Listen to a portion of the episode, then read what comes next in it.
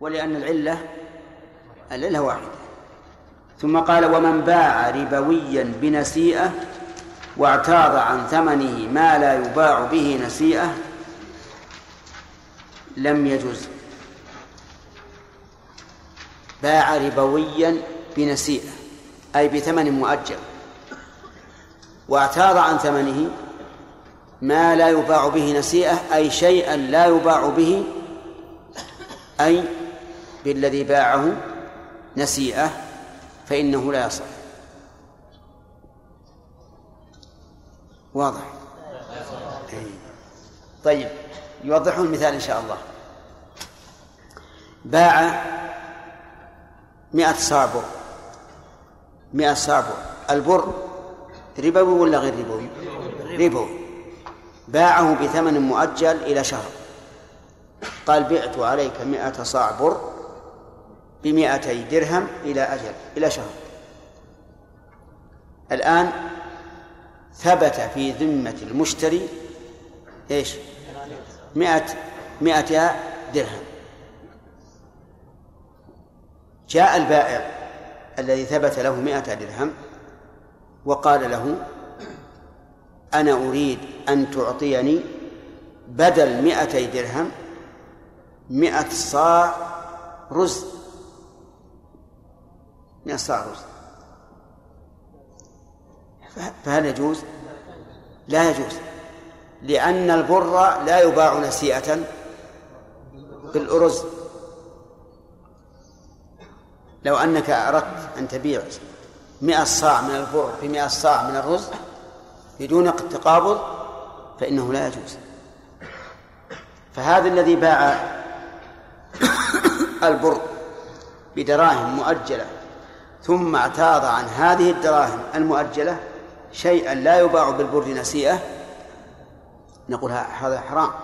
لماذا؟ لأنه حيلة على أن يبيع الربوية بما لا يباع به نسيئة يباع يبيعه به نسيئة. واضح؟ طيب. وبعض الناس يقول غير واضح.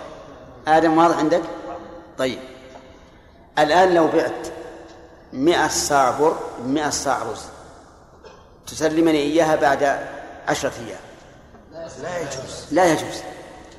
فهذا ربما يقول أبيع عليه مئة صاع البر بمئتي ريال ثم بعد عشرة أيام أشتري منه رزا بمئتي ريال. فيكون هذا إيش؟ حيلة.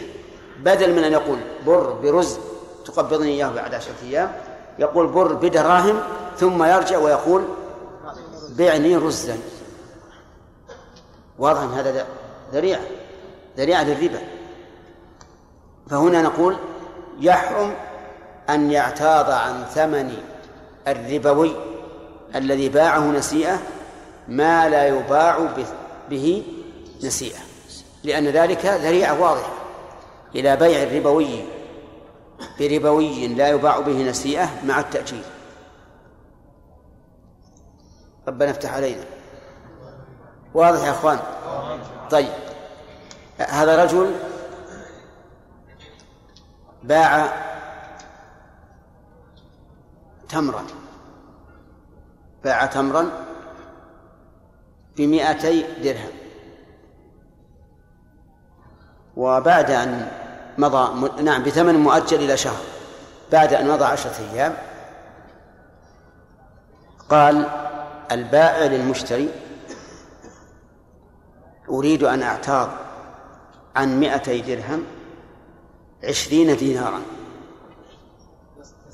ووافق على ذلك وقبضه إياه. يجوز أو ما يجوز؟ يجوز. بشرط أن يكون بسعر وقتها وألا يتفرق وبينهما شيء. لماذا جاز في هذه الصورة دون الأولى؟ لأن بيع التمر بالدراهم والدنانير يجوز نسيئة يجوز نسيئة فليس فيه محظور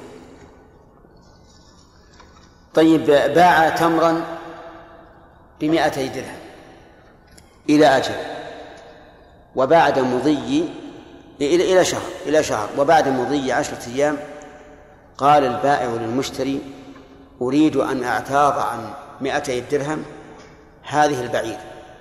وهي تساوي مئتي درهم. يجوز؟ ليش؟ لأن التمر يباع بالبعير نسيئة. والمحذور أن يعتاض عن ثمنه ما لا يباع به نسيئة. هذا هو المحذور. نعم بالنسبة للحراج في رفع السعر هل يلزم الذي رفع السعر أو له خيار هذا يأتي بالخيار هذا خيار النجش يأتي إن شاء الله بالخيار المسألة في السابقة أنه باع بدراهم مؤجلة ثم اعتاض عنها بعد عشرة أيام بدنانير نعم. إذا اختلف هذه الأنواع تبيع وكذا شركم إذا كان يدا بيد نعم. ليس يدا بيد ما هو اللي ليس يدا بيد؟ اختلفت وليست يدا بيد بلى يدا بيد أليس باع بكرة قبل عشرة أيام؟ بلى. ثم بدراهم. ثم أخذ دنانير وليست حاضر. بدلا عن الدراهم نعم. بدلا عن الدراهم نعم. فهو يسلم الدنانير نعم. فهو يد السابقة؟ أي السابقة لأنه لأن الرز لا يباع بالبر نسيئة والرز كلها ربوية؟ بلى؟ بلى. طيب؟ هو باع هذا باع باع التمر بدراهم. وبيع التمر بالدراهم لا يمتنع فيه النساء. يعني التأخير. وباع البر بدراهم. زين. واعترض إيش؟ وش اعترض؟ ما في بأس. لكن بشرط أن تكون بسعر يومها وأن لا يتفرق وبينهما شيء. قال ابن عمر كنا نبيع الإبل بالدراهم ونأخذ عنها الدنانير وبالدنانير ونأخذ عنها الدراهم. فسألنا رسول الله صلى الله عليه وسلم فقال لا بأس أن تأخذها بسعر يومها ما لم تتفرق وبينكما شيء.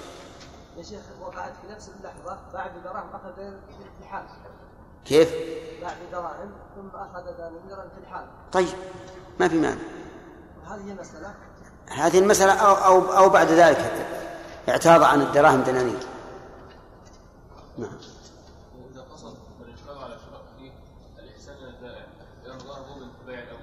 نعم. قال ثمنها وأزيد من الأول وكان من الأول. نعم. لا يجوز. يعني لو أراد أن يرفع, الغبن يقول ما يجوز. لكن إن يقول له إنك مغبون ولك الخيار. كمان شيخ بارك الله فيك. هل يجوز لرجل إذا رأى أخاه مثلا؟ هل يجوز إيش؟ هل يجوز لرجل إذا رأى أخاه اشترى سلعة وأن أن يقول له قد غبنت فيها ويحسفه إي نعم إذا كان الغبن مما لا يتغابن به الناس عادة. فلا بد أن يبين. كان في عادية لا. لا الأمور العادية مثل ريال في عشرة ما يضر. نعم إذا أراد أن يشتري سلعة كثيرة ثم عرض عليه بأقل من السعر الذي باعه عليه البائع الأول هل نقول أنه في هذه الحال يعني يستحسن للبائع الثاني أن يزيد السعر ليكون موافقا لسعره لا. لا ما يصير. العمل قال ما دام تبي تبيع تسعة ما في مانع. لا هو اشترى مثلا 10 على 10 ريال. قطعة طيب. يريد أيضا 10 أخرى طيب. ثم ذهب إلى بائع آخر فقال أعطيك بتسعة. تسعة طيب. قلنا أنه لا يجوز. أي نعم. أي نعم. كيف العمل؟ يعني كيف العمل؟ وش نعم؟ المشتري نفسه كيف يشتري؟ يعني يكمل ال 20 اي إحنا قلنا إذا عرض ال- ال- البائع على على المشتري. أما لو جاء المشتري وقال كم تبيع؟ ما, ما في مانع نعم.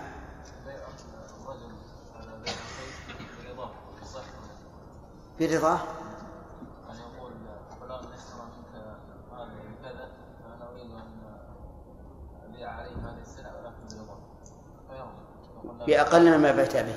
بأقل. ورضي. ماذا تقولون؟ يصح. ما في شيء. لا بأس به لأن الحق لأخيه وقد سمح به. نعم. أي نعم. لا بأس به. نعم. إيش؟ بعض الاخوه إيه؟ يأتي بورقة عند شراء سلعة.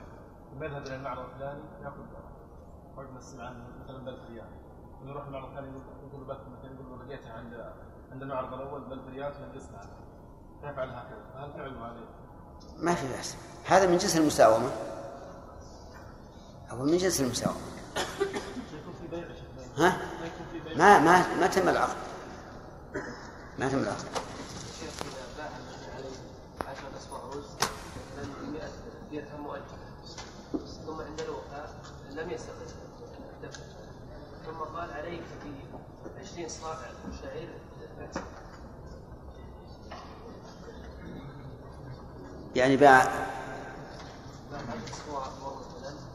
20 مثلا 100 درهم نعم. إلى سنة. ثم لم نعم. نعم. قال إذا قال اعتاضوا عن المئة مثلا مئة- صاع شعير المذهب ما يجوز. المذهب لابد مذهب ي- لابد قال ما دام عندك شعير بيعه وأعطني ثمن لكن في قول ثاني نذكره إن شاء الله فيما بعد.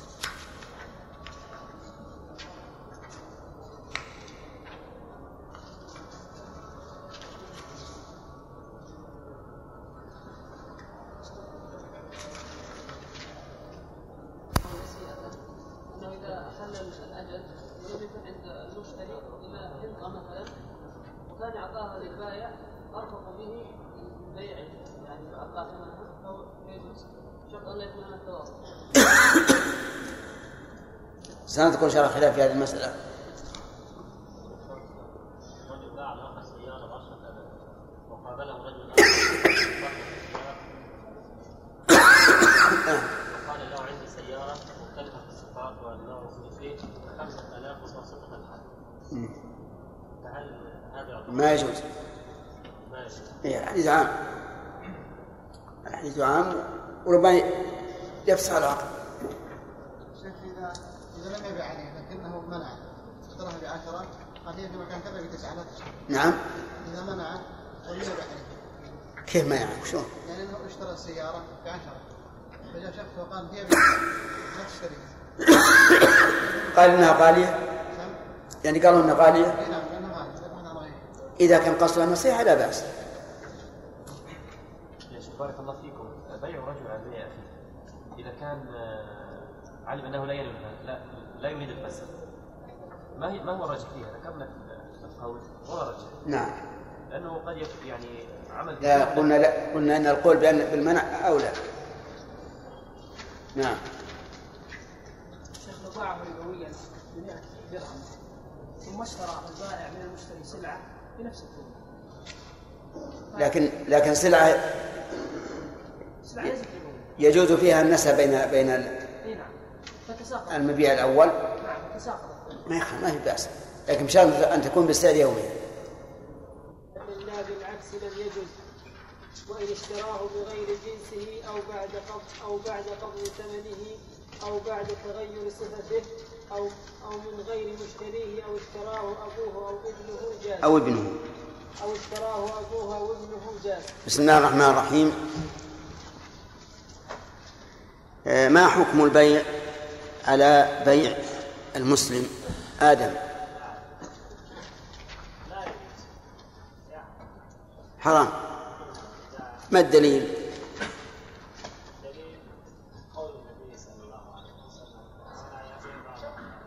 الدليل قول النبي صلى الله عليه وسلم ولا, ولا يبع بعضكم على بيع بعض. ما التعليل؟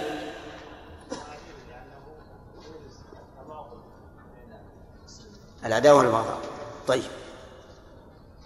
هل يشترط في هذا أن يكون في زمن الخيار ليتمكن من الفسخ من فسخ العقد؟ والعقد مع الثاني أو لا؟ بندر. المذهب أنه لا يحرم إلا إذا كان في زمن الخيار لأنه هو الزمن الذي يمكنه أن يفسخ البيع الأول ويعقد مع الثاني. طيب. القول الثاني؟ أي نعم. حتى بعد زمن الخيار؟ وهل يتمكن من الفسخ؟ بعد انتهاء زمن الخيار أجل كيف؟ كيف يحرم قد يوقع في البائع الأول البغضاء والعداوه الندم والعداوة والبغضاء. طيب. وربما يتحيل على وجود سبب يكون به الفسخ. طيب. أيهما أصح يا عبد العامر؟ أيهما أصح؟ لا إله إلا الله. الآن عندنا قولان قول أنه لا يحرم إلا في زمن الخيارين والقول الثاني يحرم مطلقا. هذا الراجح. ما الذي يرجحه؟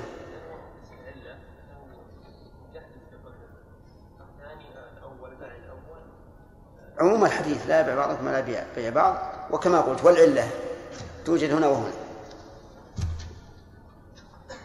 لو فعل وباع على بيع أخيه وألغى ألغي العقد الأول فهل يصح العقد الثاني خالد؟ بعد بيع أخيه وألغي العقد الأول؟ لا يصح البيع الثاني لا يصح. ليه؟ النهي يقتضي الفساد. لا يصح العقد الثاني لأنه منهي عنه والنهي يقتضي الفساد. آه، لماذا كان النهي يقتضي الفساد؟ علي. لأن الرسول صلى الله عليه وسلم هذا البيع لا أراد, من ذلك لا حث الناس فقط وإنما الإقلاع عنه نحن نريد دليلا وتعليلا. الدليل أن الرسول صلى الله عليه وسلم قال لا يبيع بعضكم على بيع. لا الدليل عنه يكون باطلا. الدليل على البيع هذا يكون أي نعم. نهي الرسول صلى الله عليه وسلم لا يبيع بعضكم على بيع. طيب يقول هو بيرتكب المعصية وله وله نشر النهي يصرف على هذا. اي ما هو الدليل على أن النهي يقتضي البطلان؟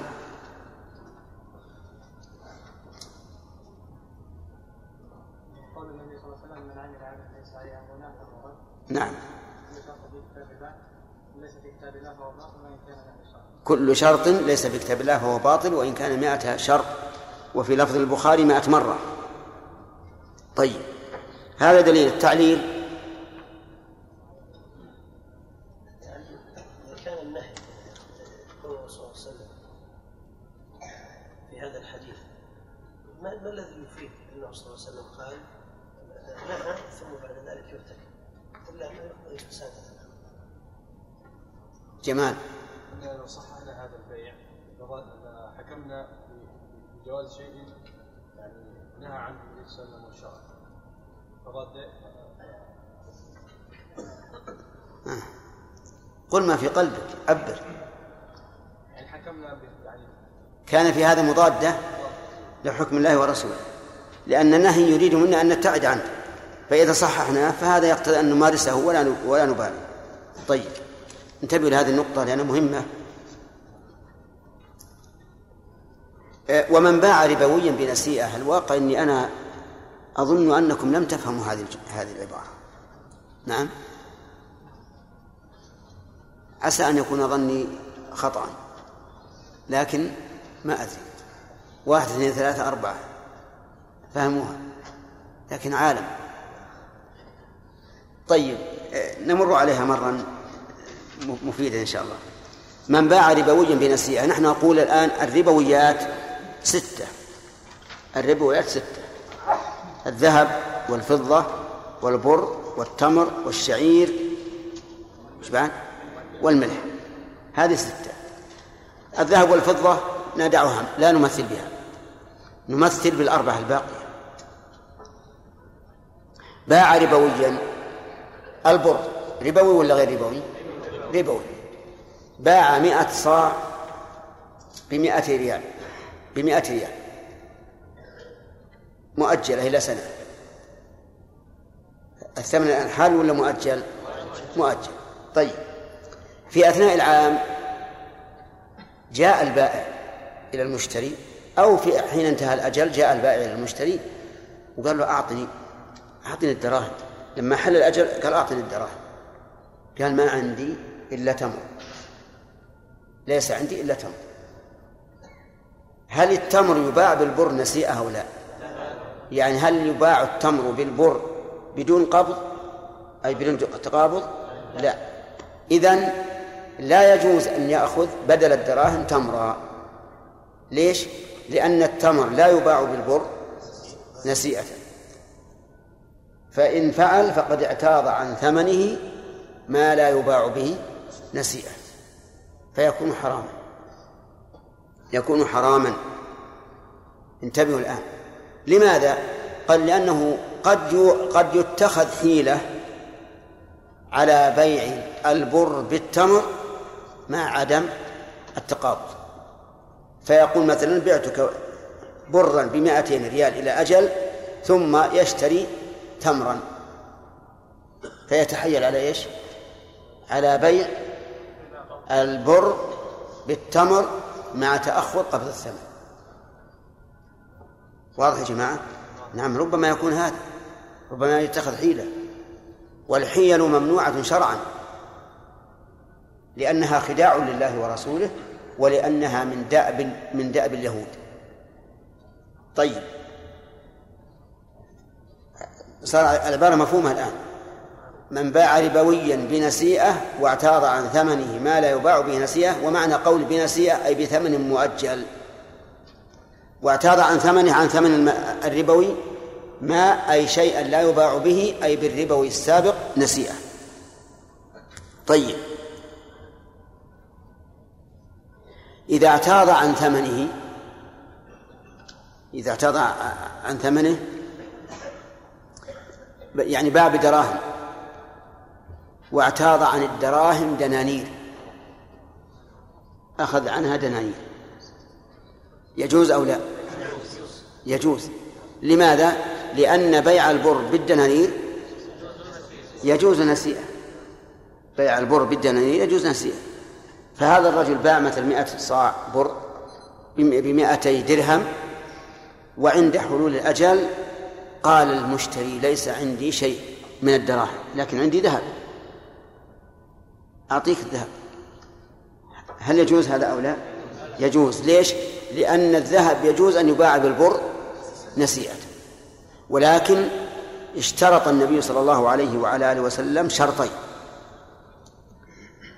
أن يكون بسعر يومها وأن يتقابض قبل التفرق لأن ابن عمر استفتاه قال يا رسول الله نحن نبيع الإبل بالدراهم ونأخذ بدل الدراهم دنانير ونبيعها بالدنانير ونأخذ بدلها دراهم فهل يجوز ذلك؟ قال لا بأس أن تأخذها بسعر يومها ما لم تتفرقا وبينكما شيء أفهمتم الآن؟ نعم ولا لا؟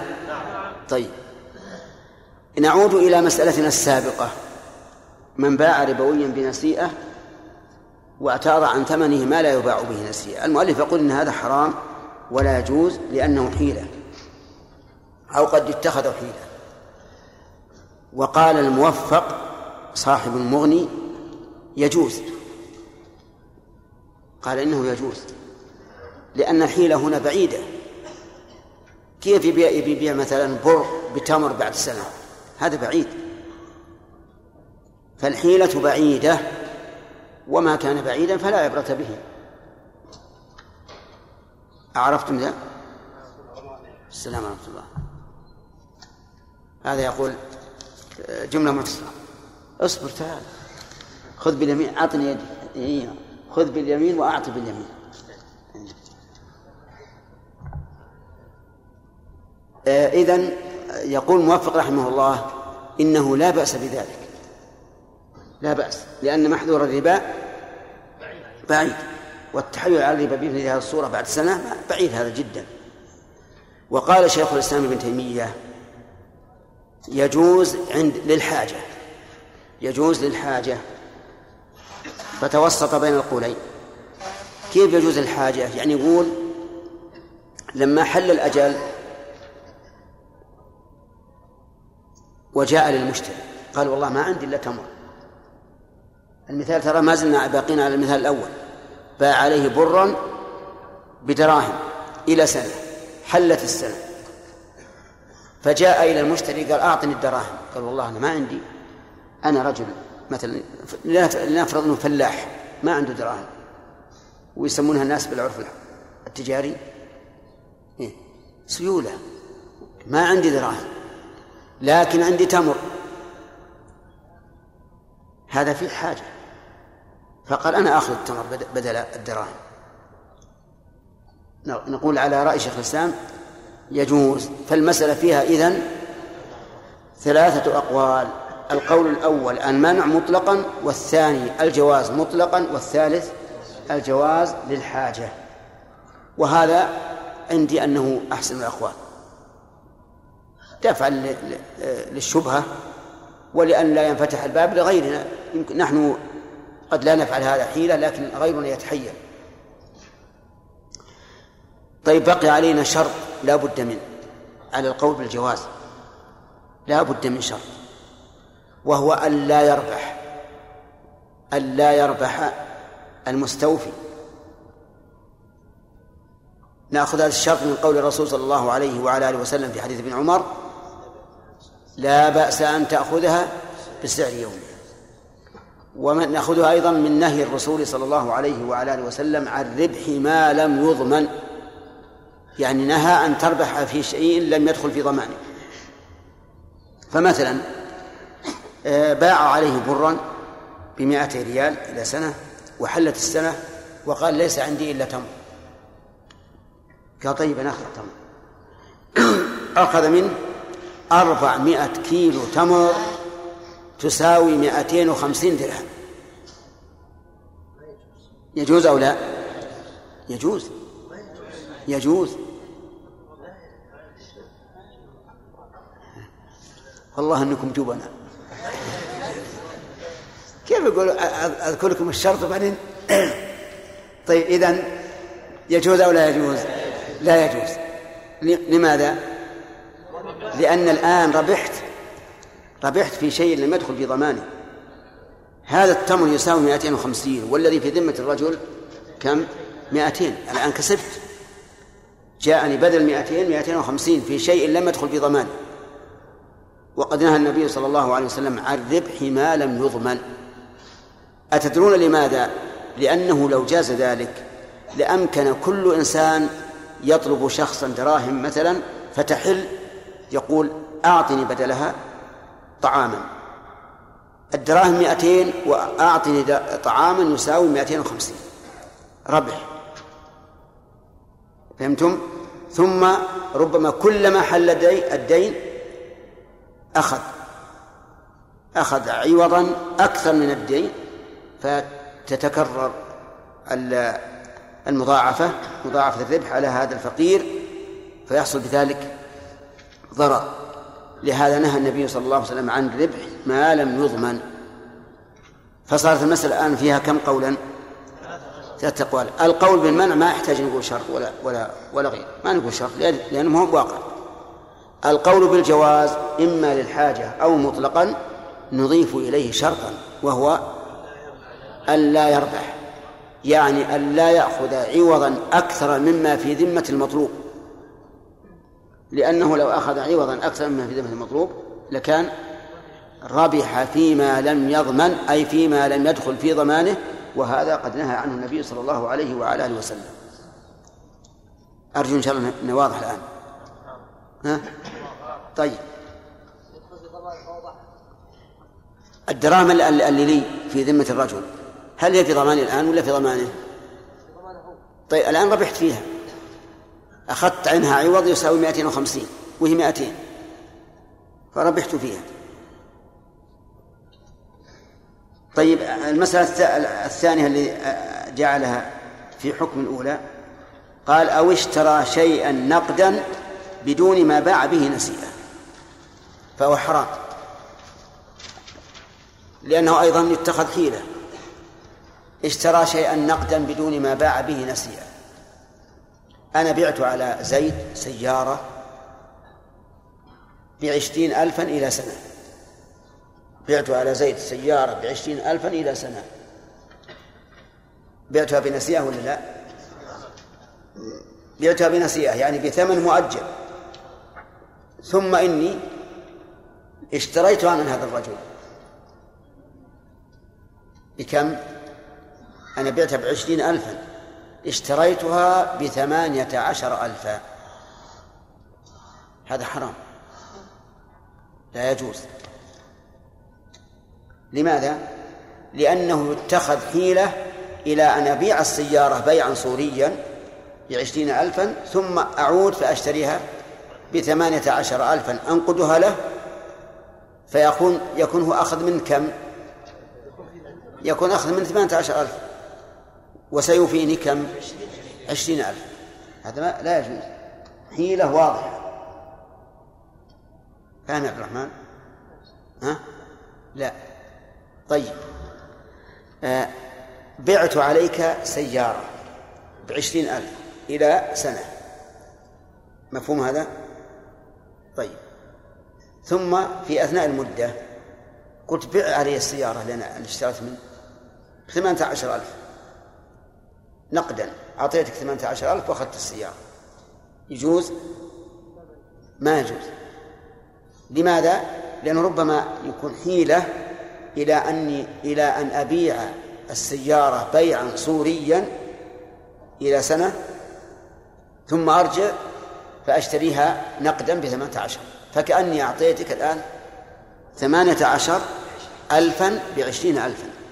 وهذا ربا ولا ولا حلال؟ ربا. مفهوم الآن ولا لا؟ طيب.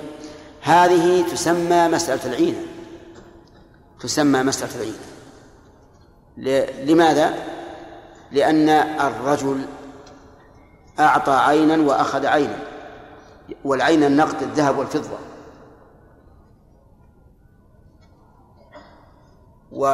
وهي محرمة.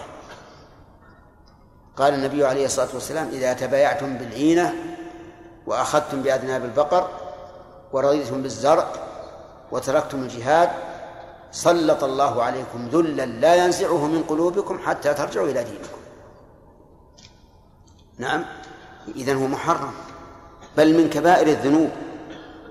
نعم أو من أو قد نقول ليس من الكبائر لأن الرسول صلى الله عليه وسلم جعل الكبير جعله كبيرة إذا اجتمعت هذه الأمور الأربعة وهذا واحد من الأربعة. فعلى كل حال هذا الحديث يدل على التحذير من التبايع بالعينة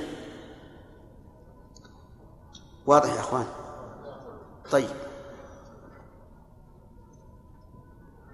ومن مسائل العينة أو أو أو من التحيل على الربا ما يفعله بعض الناس اليوم. يحتاج إلى سيارة.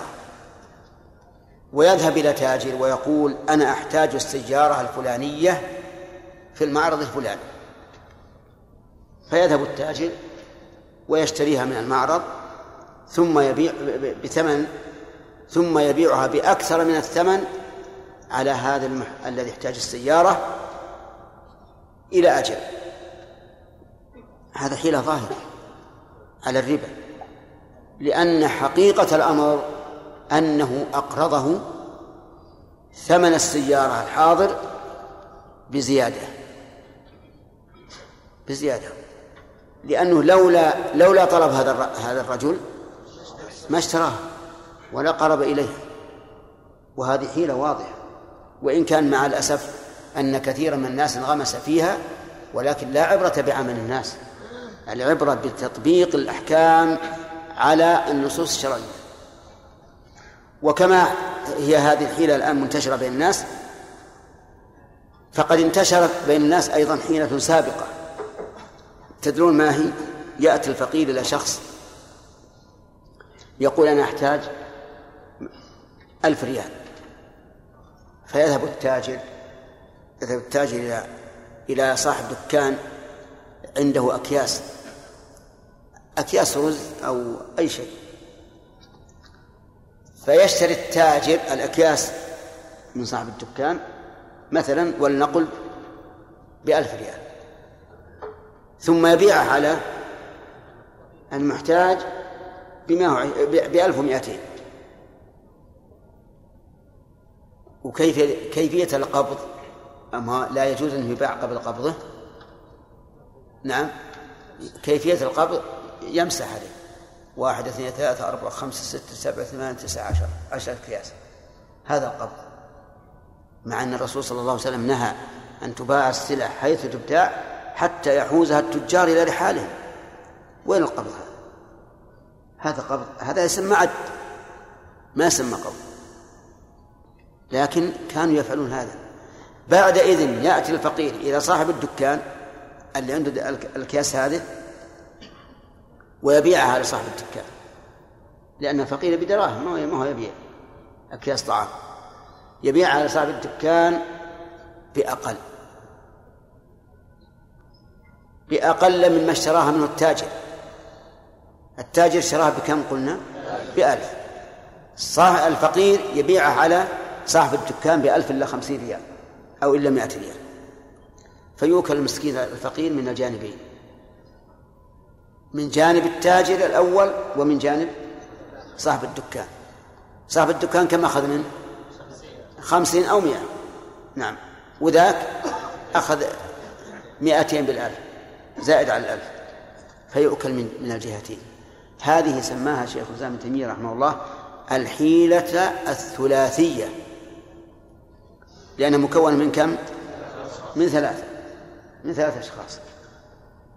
ومسائل الربا ما تحل بالحيل. واعلم أنه كلما احتال الإنسان على محرم لم يزدد إلا خبثا. المحرم خبيث فإذا احتلت عليه صار أخبث لأنك جمعت بين حقيقة المحرم وبين خداع الرب عز وجل. والله سبحانه وتعالى لا يخفى عليه خافية. إنما الأعمال بالنيات. لولا الزيادة الربوية ما عرفت هذا الرجل. والعجيب يا أخوان الشيطان يغر ابن آدم. يقول نحن نفعل هذا رحمة بالفقير. مشي حاله لولا هذا ما مشت حاله نمشي حاله ولكن أقول لكم كلما كان الأفقر صارت الزيادة عليه أكثر. هذه رحمه ولا ولا نقمة؟ نقمة. يعني يجي واحد فقير متوسط الحال يستدين من هذا الرجل يبيع عليه ما يساوي مئة ألفا بألف ومائتين يجي إنسان فقير يستدين ليأكل هو وأهله. يبيع عليه ما يساوي ألفا بألف وخمسمائة ألف وخمسمائة ليش قال هذا؟ ما هو مفيد هذا. متى يفيد؟ أين الرحمة. لو كان غرضه الرحمة بالفقير لكان هذا الثاني أولى بالرحمة من الأول متوسط الحال. لكن الشيطان يلعب على بني آدم. على كل حال الآن نعرف ما هي مسألة العينة. مسألة العينة أن يبيع إيش؟ شيئا بثمن مؤجل ثم يشتريه بأقل مما باعه به نقدا. هذه هذه مسألة العين. صورتها. باع رجل سيارة على إنسان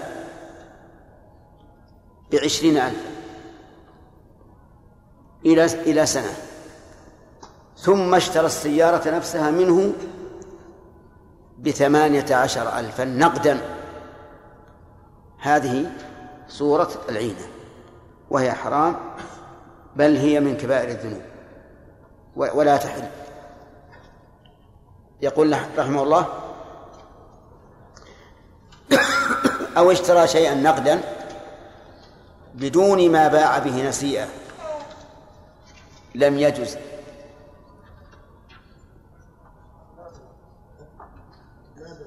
اصبروا يا جماعة. نفهم حكم هذه المسألة أنها حرام. إذا كان بالعكس وكلمة لا بالعكس بكلام الماتن يحتمل المعنى أنه عكس مسألة العينة ويحتمل أن المعنى لا بالعكس الذي هو أكثر مما باع به نسيئة. أو مثل ما باع به نسيئة. لأن المؤلف صور المسألة بقوله بدون ما باع به نسيئة. فقول لا بالعكس يحتمل أن المعنى عكس مسألة العينة بأن, يبيع شيئا نقدا بثمن ثم يشتريه مؤجلا بأكثر. وخلوا هذه ترك نائمة حتى نعرف آه، المعنى الثاني لقول لا بالعكس. يعني لا بالعكس لا لا مثل الثمن ولا أكثر من الثمن. لأن عندنا إما أن يشتريها بأقل وهي مسألة المؤلف أو بمثل أو بأكثر. فيكون قول لا بالعكس يعني بالمثل أو بالأكثر. مثال ذلك بعت على هذا الرجل سيارة بعشرين ألفا إلى سنة. ثم عدت واشتريتها منه بعشرين ألفا نقدا. يجوز ولا لا؟ أي يجوز. يجوز. ما في ربا الآن. بعتها بعشرين وأعطيته عشرين. بعت عليه بعشرين واشتريتها بعشرين. ما فيه ربا. فهذا جائز. فإن قال قائل كيف يمكن هذا؟ كيف تبيع عليه بعشرين مؤجل ثم تشتريها بعشرين نقدا؟ هذا معقول؟ نقول نعم معقول. تختلف الأسعار. ترتفع قيمة السيارات فأشتريها بأكثر. وكذلك لو اشتريتها بالمثل لو اشتريتها بالمثل أي بمثل ما بعت ما بعتها به فهو جائز. معلوم يا جماعة؟ ها؟ أو بمثل. يعني بعت عشرين بعشرين. بعتها بعشرين واشتريتها بعشرين هذا مثل. بعتها بعشرين واشتريتها بخمسة وعشرين. يجوز ولا لا؟ يجوز. يجوز لأنه ليس في في هذا ربا وأما إني أعطيه أكثر مما بعت فهذا من من مصلحته. والربا الأصل فيه الظلم وهذا ما فيه ظلم. هذا فيه فضل. طيب. عكس مسألة العينة عكس مسألة العينة أن أبيع عليه شيئا نقدا بثمن ثم أشتريه منه مؤجلا بأكثر. كأن أبيع عليه السيارة بعشرين ألفا نقدا وينقدني إياه. ثم أشتريها منه بخمسة وعشرين إلى سنة. أفهمتم؟ هذا عكس مسألة العينة. أولى قثني ها؟ ما فهمت. هذا هو الظاهر. لا من العينة. العينة أن يبيعه بثمن مؤجل ثم يشتريه نقدا بأقل. هذه باعها نقدا بثمن. بثمن نقدا بثمن. ثم اشتراها بأكثر مؤجلا. عكسها تمام هي عكسه ولا لا؟ عكس مسألة العين هل تجوز أو لا؟ ظاهر كلام المؤلف لا بالعكس. أنه يجوز. أنه يجوز. يقول لا بالعكس. لم يجوز. معناه بالعكس. يجوز. يجوز. لأن محظور الربا فيها بعيد. لكن فيها عن أحمد روايتان. رواية أنها كمسألة العينة. والرواية الثانية أنه جائز بلا حيلة. أنه يجوز بلا حيلة. ففيها عن الإمام أحمد روايتان. الجواز بلا حيلة والثاني إيش؟ أنها كمسألة العينة يعني لا تجوز. ترى الكلام هذا واضح. بلسان عربي إن شاء الله. طيب. قولها بالعكس محمد اسمك محمد؟ يلا جابر. ما معنى قولها لا بالعكس؟ نعم. إما أن تكون عكس عكس العينة عكس الدون يعني. ها. يعني كان له سيارة. نعم. ب 20 نعم. ثم يشتريها بنفس السعر. نقدا نقدا أو أو بأكثر من الس... طيب هذه واحدة. الاحتمال الثاني الاحتمال الثاني أن تكون عكس العينة نعم. أنا اشتري من أنا أبيع له سيارة ب 20 نقدا نعم. واشتريها منه واشتريها منه بأكثر من ذلك مؤجل مؤجلا. صح. هذه المسألة فيها عن أحمد روايتان والمؤلف يقول أنها لا بأس بها. طيب. ثم قال. نعم. فيها روايتان عن أحمد. فيها روايتان. والصحيح الجواز إلا إذا كان علمنا أنها حيلة. لا تسأل جزاك الله خير. ما جاوبت السؤال. يقول رحمه الله وإن اشتراه بغير جنسه المؤلف قال أو اشترى شيئا نقدا بغير ما باع به نسيئة وإن اشتراه أي الشيء الذي باعه نقدا بدون ما باع به نسيئة إن اشتراه بغير جنسه فلا بأس. يع- لكن ما معنى قولي بغير جنسه؟ هل المراد بنقد غير جنسه أو المراد بجنسه بمتاع آخر غير النقد؟ ظاهر كلامه العموم. ظاهر كلامه العموم. مثال ذلك باع هذه السيارة بمئتي درهم إلى أجل. إلى أجل. ثم اشتراها نقدا بعشرة جنيهات. عشرة جنيهات ما تساوي مئتي درهم الثمن أقل ولا لا؟ أقل. يا جماعة. باعها بمئتي درهم. ثم اشتراها نقدا بعشرة دنانير. لا تساوي العشرة لا تساوي مئتي درهم. أقل؟ طيب. هل يجوز أو لا؟ يقول المؤلف إن هذا جائز. لأن الجنس مختلف. فقد باعها بفضة واشتراها الآن. اسمك؟ إيه. ها؟ يلا عبد المنعم فاهم الصورة الآن؟ ولا ولا سارح؟ طيب. نعيده مرة ثانية.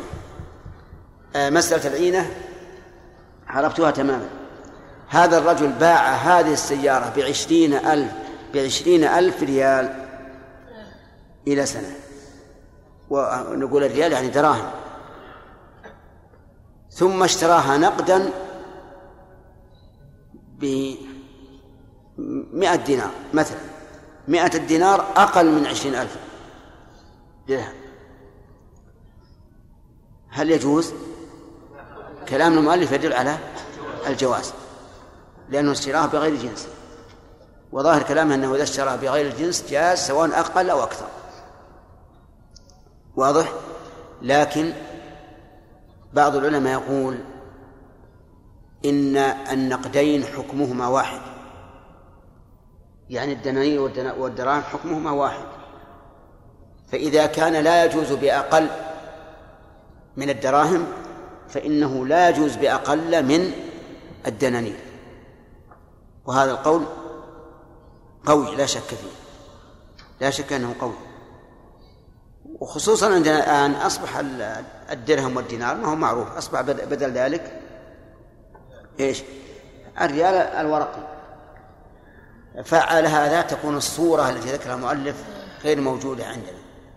يعني أننا نأخذ بدل الذهب فضة أو بالعكس غير موجود. أو بعد قبض ثمنه. إذا اشتراه بعد قبض ثمنه بأقل فلا بأس. واضح. يعني أنه باع السيارة بعشرين ألفا إلى سنة ولما تمت السنة قبض عشرين ألفا. ثم اشتراها من المشتري بخمسة عشر ألفا. يجوز أو لا يجوز؟ يجوز هذا من لأن الحيلة منتفية هنا. فإذا اشتراها بأقل مما باعها به بعد قبض الثمن فلا بأس. قال أو بعد تغير صفته. بعد تغير صفته مثل أن أبيع عليه بقرة. بقرة سمينة.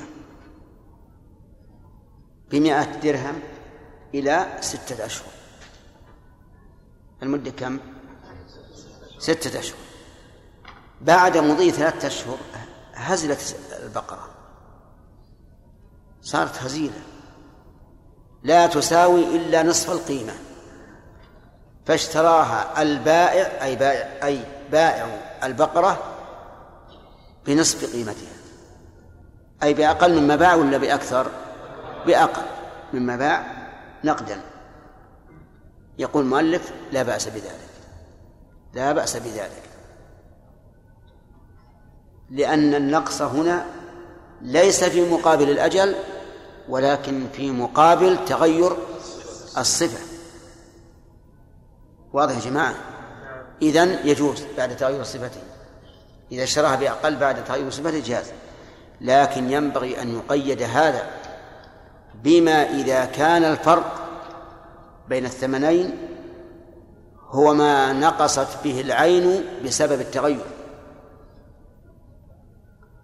لا لا من أجل التأجيل والنقد. واضح؟ ها؟ واضح. طيب. القيد هذا لابد أن يكون أن يكون نقص الثمن بمقدار نقص الصفة. فمثلا إذا قدرنا هذه البقرة هزلت وصارت بعد أن تساوي مئتين إلى أجل لو بعناها الآن لا كانت تساوي مئة وثمانين. فاشتراها بمئة وثمانين. يجوز هذا ولا لا؟ لأن النقص في مقابل نقص الصفة. لكن لو كانت لم تنقص إلا عشرين باعتبار الصفة وهو اشتراها بستين مئة وستين. من أجل فرق العشرين هذه من أجل الفرق بين التأجيل وبين وبين النقد. فهذا حرام. هذا حرام. لأن الفرق اللي حصل الآن بين الثمنين من أجل تغير الصفة ومن أجل التأجيل. فلذلك كان حراما. فكلام المؤلف في قوله أو بعد تغير صفته يجب أن يقيد بشرط أن يكون الفرق بين الثمنين بمقدار نقص الصفة فقط. أما لو كان من أجل الفرق بين النقد والمؤجل فإن ذلك حرام لأن هذا هو مسألة إيش؟ مسألة العينة هو مسألة العينة فصار الم... فصار لا بد من لا بد من قلب طيب الآن اشترى السيارة هذه بعشرين ألفا إلى سنة. وبعد مضي ثلاثة أشهر جاء يشتريها بثمانية عشر ألفا. السيارة الآن تغيرت. صار فيها صدمات. آه، مشت مسافة أكثر. فاشتراها بثمانية عشر. نقول إذا كان نقص الألفين بمقدار نقص الصفة إيه فهذا جائز. إن كان أقل ولكن نقص من أجل النقد فهذا لا يجوز. والله أعلم. يلا عبد الله.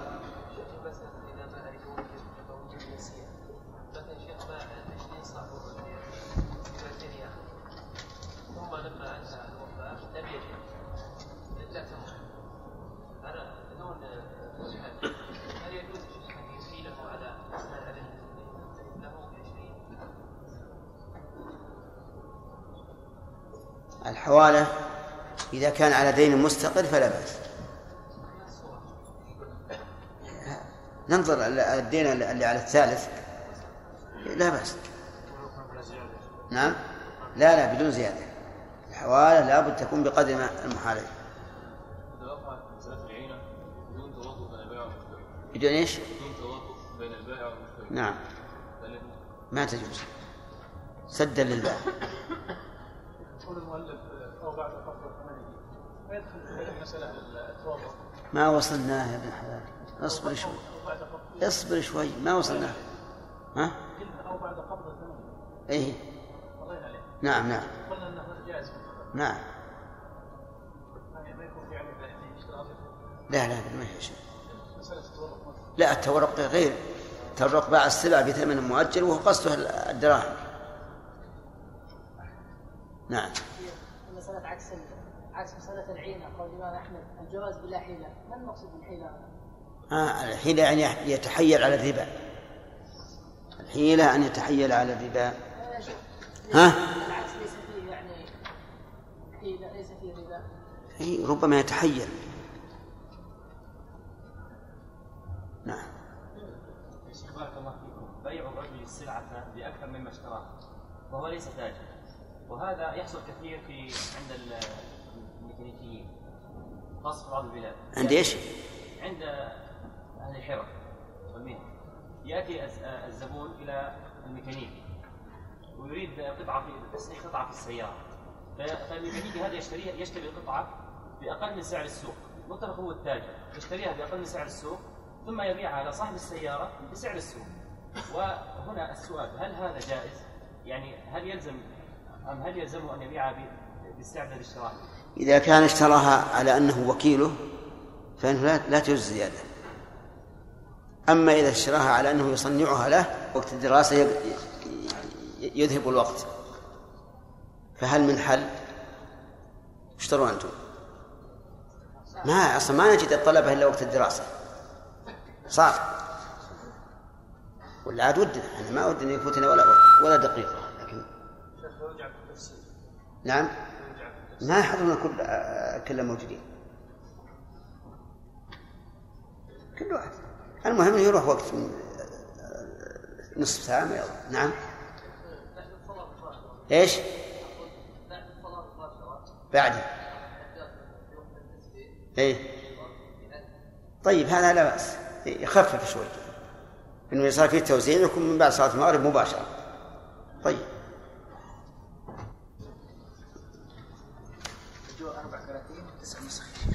ها؟ أحمد. بسم الله الرحمن الرحيم.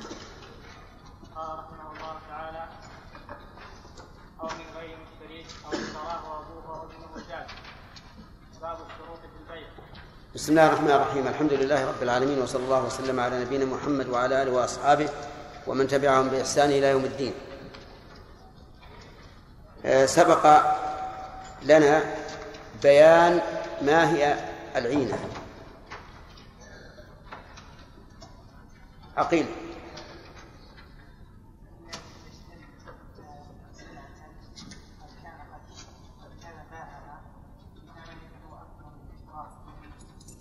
أعد أعد.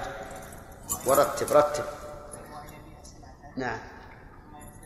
يبيع سلعة بثمن مؤجل. ثم نعم بأقل من بيعه به نقدا. المسألة عبيد.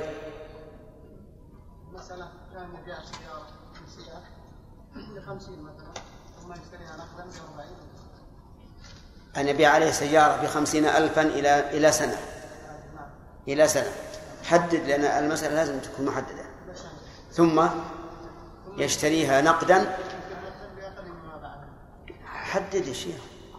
ثم يشتريها نقدا ها. ب 40 مثلا بأربعين ألف.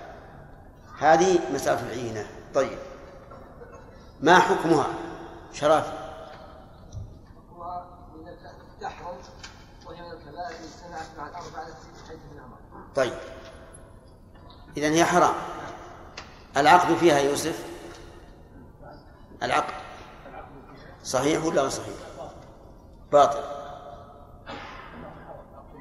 لأنه عقد محرم. أحسنت.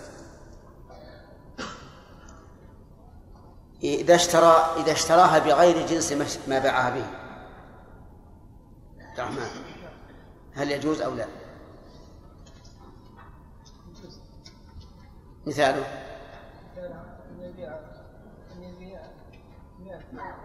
أن يبيع أن يبيع 100 صعب يبيع السيارة بمئة صعبة ها؟ إلى سنة. إلى سنة. ثم يشتريها. حالة. بكم؟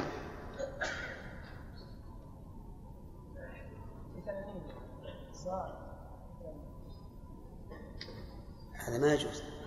بثمانين دينار. زين بثمانين دينار. صحيح. لأنه اشتراها بغير جنس ما باعها به. إذا اشتراها بعد قبض الثمن. مثاله باع السيارة بثمن إيش؟ ثمانين ألف. درهما أو دينارا أو قرشا. ريالا. طيب. ثم بعد بعد انتهاء المدة يدخل الثمن ثم بعد ذلك يعود آه. يعني بعد ما تنتهي المدة واستلم الثمن يعود فيشتري. طيب.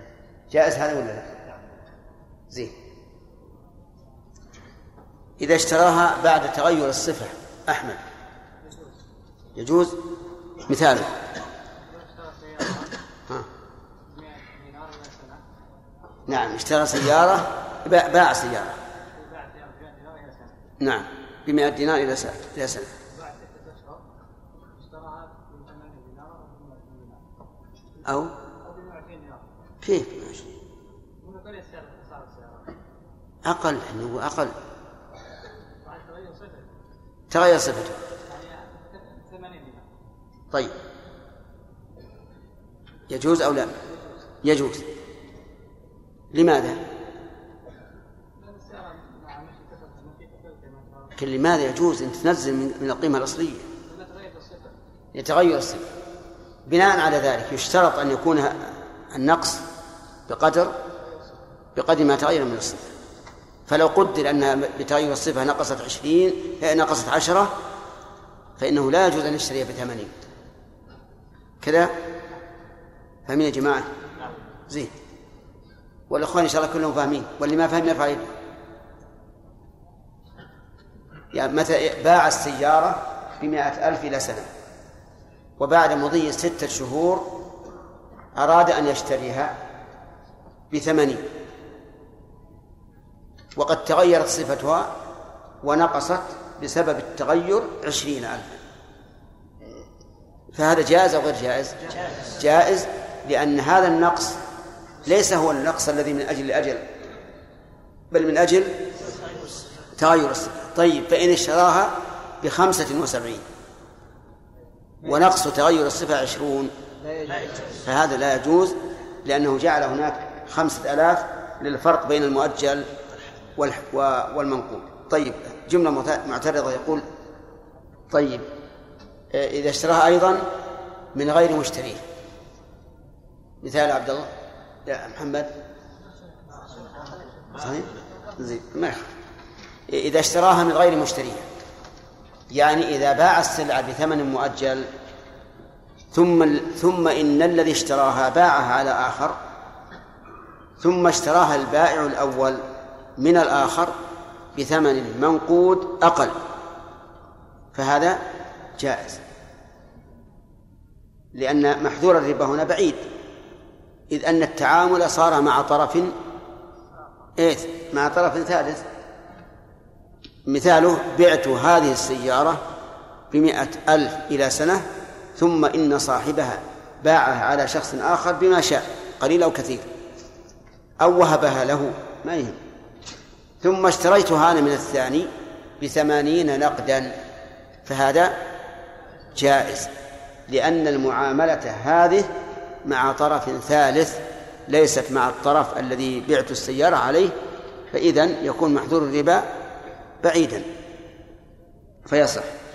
طيب بعت هذه السيارة بمئة ألف إلى سنة. ثم مات المشتري. وانتقلت السيارة إلى وارثه. فاشتريتها من وارثه بثمانين ألفا نقدا. يجوز أو لا؟ يجوز. لأن لأن اشتريتها لأن اشتريتها من غير مشتريها. فمحظور الربا بعيد. يقول أو اشتراه أبوه أي أبو البائع أو ابنه جاز.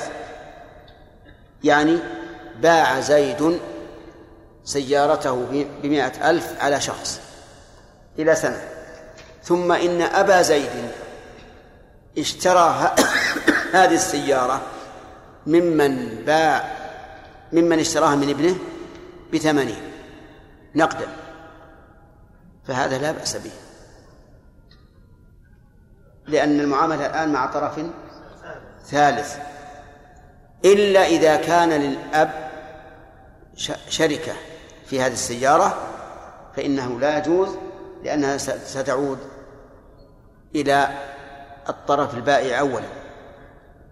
وكذلك يقال في الابن إذا اشتراها ابنه بأن باع زيد هذه السيارة على شخص بمائة ألف إلى سنة ثم إن ابنه اشتراها من الذي باع عليه أبوه بثمانين نقدا فإن هذا لا بأس به لأن المعاملة صارت مع طرف مع طرف ثاني. ولهذا قال جاز جاز نعم.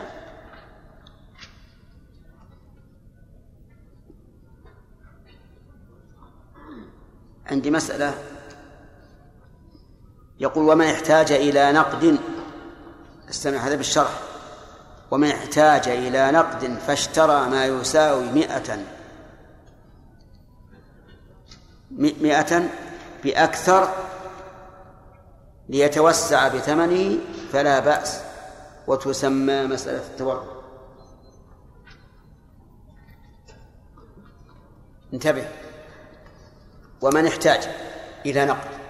إنسان يريد أن يتزوج وليس عنده فلوس. فاشترى ما يساوي مئة بأكثر. يعني اشترى سيارة بمئة إيه، تساوي مئة اشتراها بأكثر. يعني مؤجلة. ليتوسع بثمنه فلا بأس. وتسمى عندي بالشرح تسمى مسألة التورق. وهذه المسألة فيها خلاف بين العلماء. وفيها أيضا روايتان عن الإمام أحمد. فمن العلماء من يقول هي جائزة. لأن شراء هذه السلعة قد يشتريها الإنسان لغرض مقصود بعين السلعة. كرجل اشترى سيارة يبي يستعملها. أو يكون الغرض قيمة السيارة اشتراها لأجل أن يبيعها ويتوسع بالثمن. فيقولون هذا الغرض كالغرض الأول لكن الغرض الأول أراد الانتفاع بعينها وهذا أراد الانتفاع بقيمتها فلا فرق. ولهذا قالوا إنها جائزة. والقول الثاني أنها حرام. وهو رواية عن الإمام أحمد واختيار شيخ الإسلام ابن تيمية. وهو المروي عن عمر بن عبد العزيز رحمه الله. ووجه ذلك أن مقصود الذي اشترى السيارة هو إيش؟ الدراهم. فكأنه أخذ دراهم قدرها ثمانون بدراهم قدرها مئة إلى أجل فيكون حيلة. وقد نص الإمام أحمد أن هذه من مسائل العينة مسألة التورع إذن العلماء لهم فيها قولان القول الأول أنها أنها حرام والقول الثاني أنها حلال. وذلك لأنها حيلة. ولكن على القول بأنها حلال القول بأنها حلال لا بد أن يكون الباعث لها الحاجة لقوله ومن احتاج. فلو كان الباعث لها الزيادة والتكاثر فإن ذلك حرام لا يجوز. لأن قولهم ومن احتاج ليست لبيان الواقع ولكنها شرط لأنه إذا لم يكن حاجة فلا وجه لجوازها إذ أنها حيلة قريبة حيلة قريبة على الربا. يقول ابن القيم رحمه الله في إعلام الموقعين إن شيخنا رحمه الله كان يراجع فيها كثيرا يعني لعله يحللها. ولكنه رحمه الله يأبى يقول هي حرام. والحيل لا تزيد المحرمات إلا إلا خبثا. لكن أنا أرى أنها حلال بشروط. الشرط الأول أن يتعذر القرض. يتعذر القرض. أو السلم. يعني أن يتعذر الحصول على المال بطريق مباح. القرض في وقتنا الحاضر. الغالب أنه إيش؟ متعذر. ولا سيما عند التجار.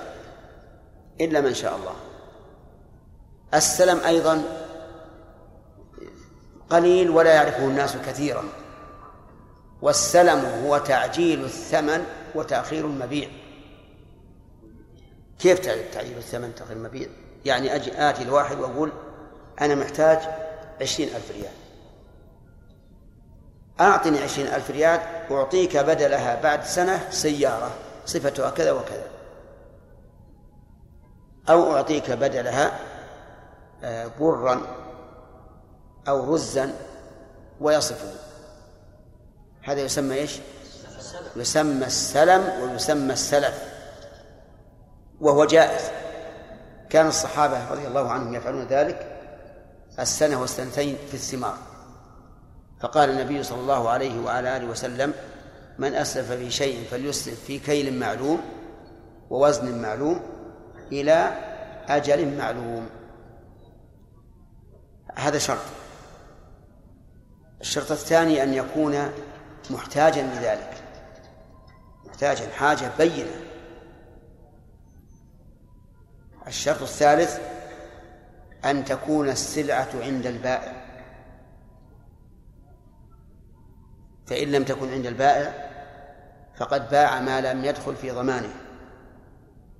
وإذا كان النبي صلى الله عليه وعلى آله وسلم نهى عن بيع السلع في مكان شرائها حتى ينقلها التاجر إلى رحله فهذا من باب من باب أولى لأن ما عنده. فإذا جمعت هذه الشروط الثلاثة فأرجو أن لا يكون فيها بأس لأن الإنسان قد يضطر أحيانا إلى هذه المعاملة. نعم. أن تكون عند البائع ثم ننتقل الآن إلى الدرس الجديد فنقول باب الشروط في البيع. أي ما ما ما, ما نقرأ باب الشروط في البيع. الشروط جمع شرط. وهو في اللغة العلامة ومنه قول الله تعالى فهل ينظرون إلا الساعة أن تأتيهم بغتة فقد جاء أشراطها. أما في, في الاصطلاح فهو بحسب ما يكون شرطا فيه فقد يراد به ما يتوقف عليه الصحة يعني ما يلزم من وجوده ما يلزم من عدمه العدم ولا يلزم من وجوده الوجود. ما يلزم من عدمه العدم ولا يلزم من وجوده الوجود. فشرط فالوضوء شرط لصحة الصلاة. يلزم من عدمه عدم صحة الصلاة. وهل يلزم من وجوده الوجود؟ لا لأن الإنسان يتوضأ ولا يصلي. طيب. شروط الشروط في البيع. غير شروط البيع. الشروط في البيع إلزام أحد المتعاقدين الآخر ما لا يلزمه بمقتضى العقد. هذه الشروط في البيع. وكذلك في غيره. إلزام أحد المتعاقدين الآخر ما لا يلزمه بمقتضى العقد. وأما ما يلزمه بمقتضى العقد فإنه إن شرط فهو من باب التوكيد. تقول من باب إيش؟ التوكيد دون التأكيد. التوكيد أفصح من التأكيد. قال الله تعالى ولا تنقضوا الأيمان بعد توكيدها ولم يقل بعد تأكيدها. هذه فائدة لغوية على الهامش. طيب. إذن الشروط في البيع إيش؟ إلزام أحد المتعاقدين ما لا يلزمه الآخر ما لا يلزمه بمقتضى العقد. طيب. والفرق بينه وبين شروط الب... والفرق بينها أي بين الشروط في البيع وبين شروط البيع من وجوه ثلاثة. من وجوه ثلاثة. الوجه الأول أن شروط البيع من وضع الشارع. والشروط في البيع من وضع أحد المتعاقدين. ثانيا شروط البيع يتوقف عليها صحة البيع. والشروط في البيع يتوقف عليها لزوم البيع.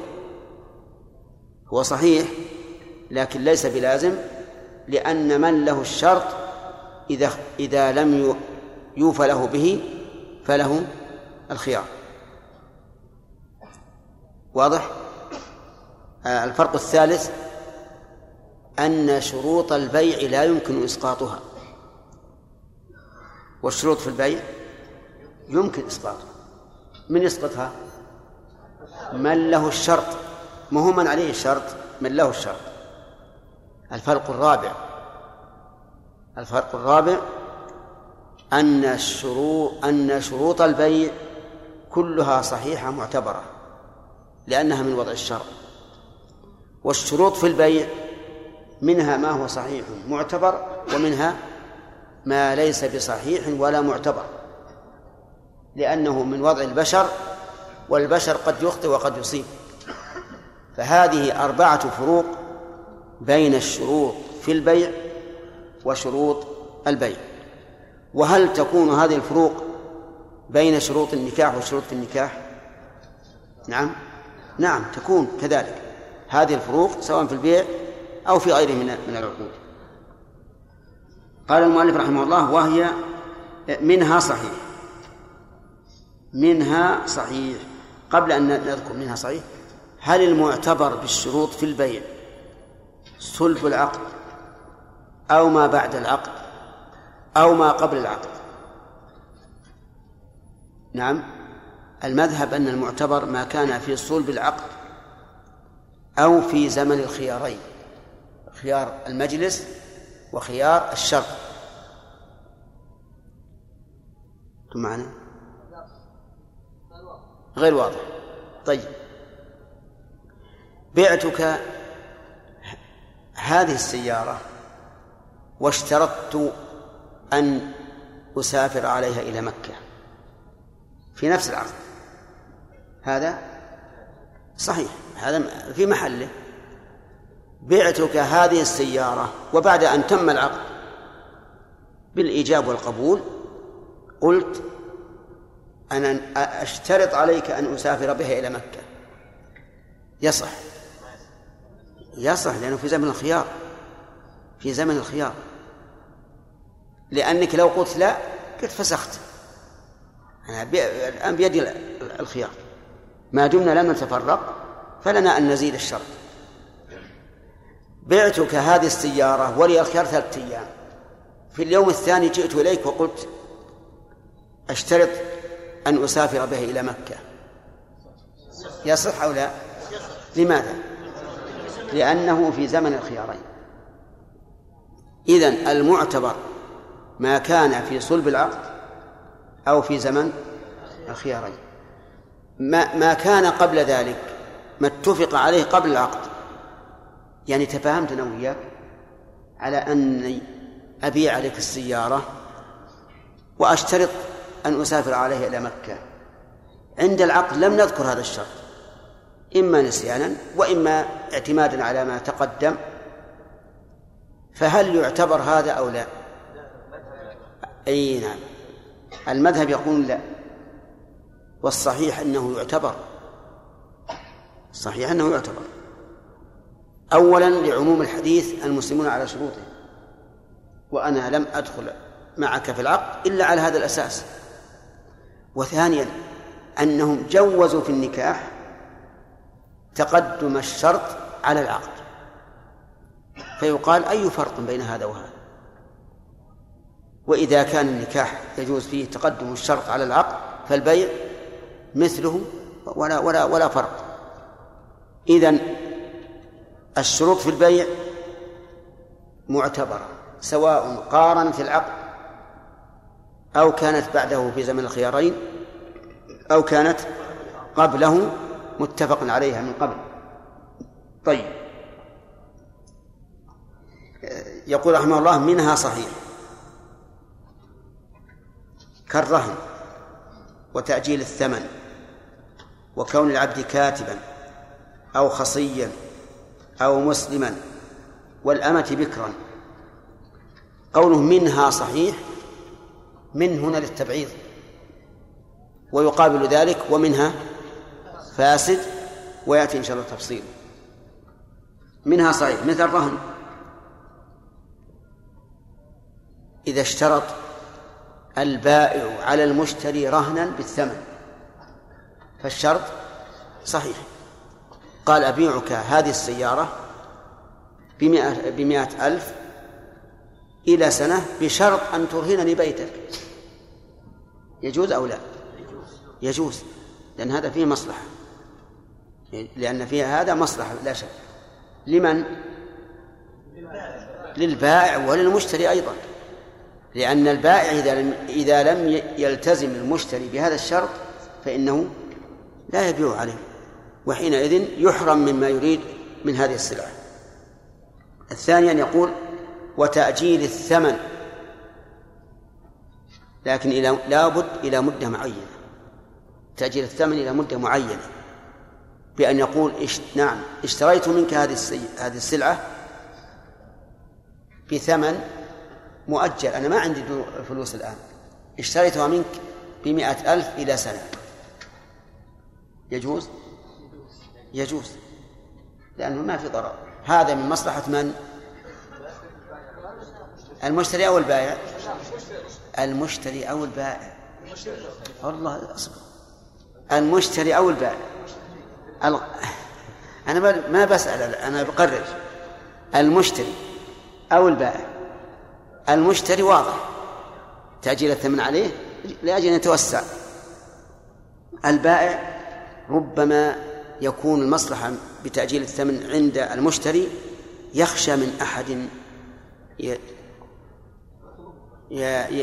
يخشى من أحد ينم عليه أن عنده فلوس فلوسا ثم تجعل عليه ضرائب من الحكومة أو يعتدي السراق عليه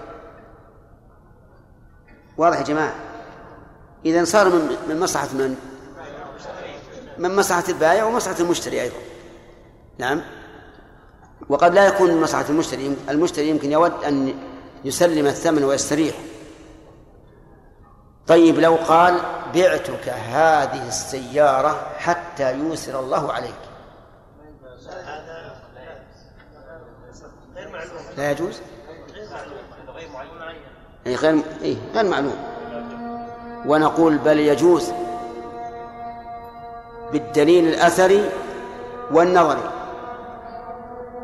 وأنتم تأخذكم العجلة بعض الأحيان. وسنبين بعد بعد الأذان إن شاء الله. الله اللهم رب هذه الدعوة التامة والصلاة والقائمة هاتم محمد وفضيل له وأسم مقام محمود نقول إنه جائز أن يشتري منه السلعة بثمن مؤجل إلى الميسرة. لحديث عائشة رضي الله عنها أن رجلا قدم له بز من من الشام. فقالت للنبي صلى الله عليه وسلم إن فلانا قدم له بز من الشام. فلو بعثت إليه أن يبيعك ثوبين نسيئة إلى ميسرة. فأرسل إليه فامتنع.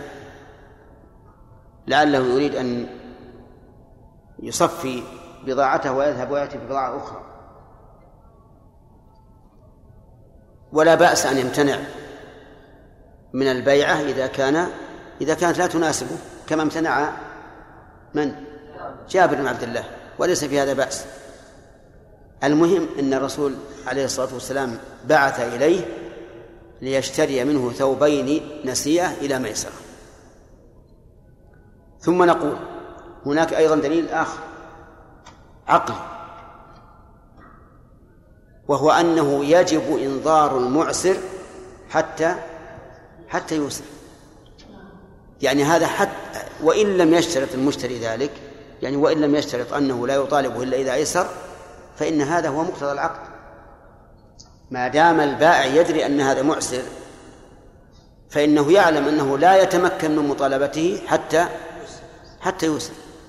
إذن هذا هو موافق لمقتضى العقد ولهذا كان القول الصحيح في هذه المسألة القول الصحيح انتبهوا لهذا عشان يكون لكم عذر بعض الشيء في إجابتكم السابقة. القول الصحيح أنه جائز. أما القول المرجوح فإنه غير جائز وهو الذي قفزتم إليه قبل قليل وقلتم إن هذا حرام. لأن لأن الميسرة مجهولة غير معلومة. ما ندري يمكن ربما يموت لم له عليه. والله أعلم. إيش؟ وهي. جنسه نعم. جنسه نعم. الثاني؟ بغير جنس. المراد بالجنس الذي قال بغير جنس الثاني المراد بغير جنسه بمتاع اخر غير إي نعم. يعني باعه بدراهم إلى أجل ثم اشتراه بطعام. إي نعم. صفته واشتراه أقل لابد ان يكون الفرق الفرق من أجل تغير الصفة لا من أجل الحلول والتأجيل. لكن يا شيخ إذا علمنا لا اتفاق بينهم وان هذا يعني بما ناسب الان طيب لو علمنا أنه ما تغير لو, لو لم تغير الصفة لو لم تغير الصفة وعلمنا أنه لا اتفاق بينهما ولا مواطأة يجوز أو لا؟ لا يجوز. أسأل أسأله. سدل الدليل على لا يجوز. هذه مثله ليش ليش يكون النازل من من تغير الصفة 20 وتنزل 25 إلا في مقابل الحلول والتأجيل. شيخ هل هناك ضابط لهذا؟ يعرف بالقيمه أهل أهل الخبرة يعرفون نعم. شيخ الذين قالوا بجواز مثلا اشترطوا أن لابد أن يكون بحاجه للكفاءه نعم. الآن يا شيخ يشتري إنسان يريد إنسان الدخول في مساعدة وليس لديه فيذهب إلى الذين يبيعون فيشتري. فهل هذا يعتبر؟ أي نعم هذا من باب المكاثرة. يعني لا يجوز. إي نعم. عبيد؟ على من قال بمنع مسألة التورط نعم. هل الإثم على البائع والمشتري سواء إذا علم البائع على المشتري؟ عليهما سواء. لأن النبي صلى الله عليه وعلى آله وسلم لعن آكل الربا وموكله الآن البعض اتخذها تجارة وهو يعلم. إيش؟ الآن بعض الناس اتخذها تجارة وهو يعلم أنه ما يشتري منه إلا شك في البيع. يكفي. إذا علم أنه لا يشتري منه إلا لأجل الثمن يبيعه ويأخذ ثمنها يكفي أو غلب على ظنه. يعني يكفي العلم أو غلبة الظن. في التورق يا شيخ الشرط الثالث أن تكون السلعة عند البائع. نعم.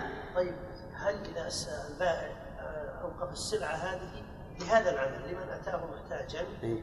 وأيضا أتاه الشرط الثاني محتاج وليس هناك دي- تمر ولا سلف هل يقال أبقي السيارات عندك في البيت أو في لهذا البيع؟ أي بعض الناس يفعل هذا. إذا هو قصد التورق الآن بدون حاجة. لا لا أصل الحاجة حاجة المشتري مو حاجة البائع. إذا يبقيها عنده السيارات لا بأس. فيه لكن أنا أنا أقول هذا عند الضرورة.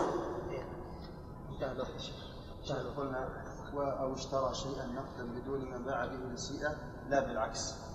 في على الاحتمال أحد الاحتمالين لا بعكس صورة العينة نعم. هل هذه تتأتى الصورة؟ لأن صورة العين أصلها أن أن يشتري شيئا أن يشتري آه، أن يبيع شيئا نقدا. لا. أن أن يبيع شيئا نسيئة نعم. ثم يشتريه بنقدا بأقل مما باعه نعم. قلنا لا بعكسا أي بعكس الصورة هذه. بالأكثر يعني. لا احتمالين. عكس الصورة أو أو عكس الأقل. لا عكس الصورة نعم طيب ما يخالف. عكس الصورة يعني أنه يشتري شيئا نقدا. نعم. آه، ب- بأكثر بأقل. كيف؟ يشتري يعني سلعة سيارة بعشرين ألف. وباعها نقدا. أن يبيعها نقدا. نعم. بعشرين ألف. نعم. ثم يشتريها نسيئة بأكثر. نعم. هذه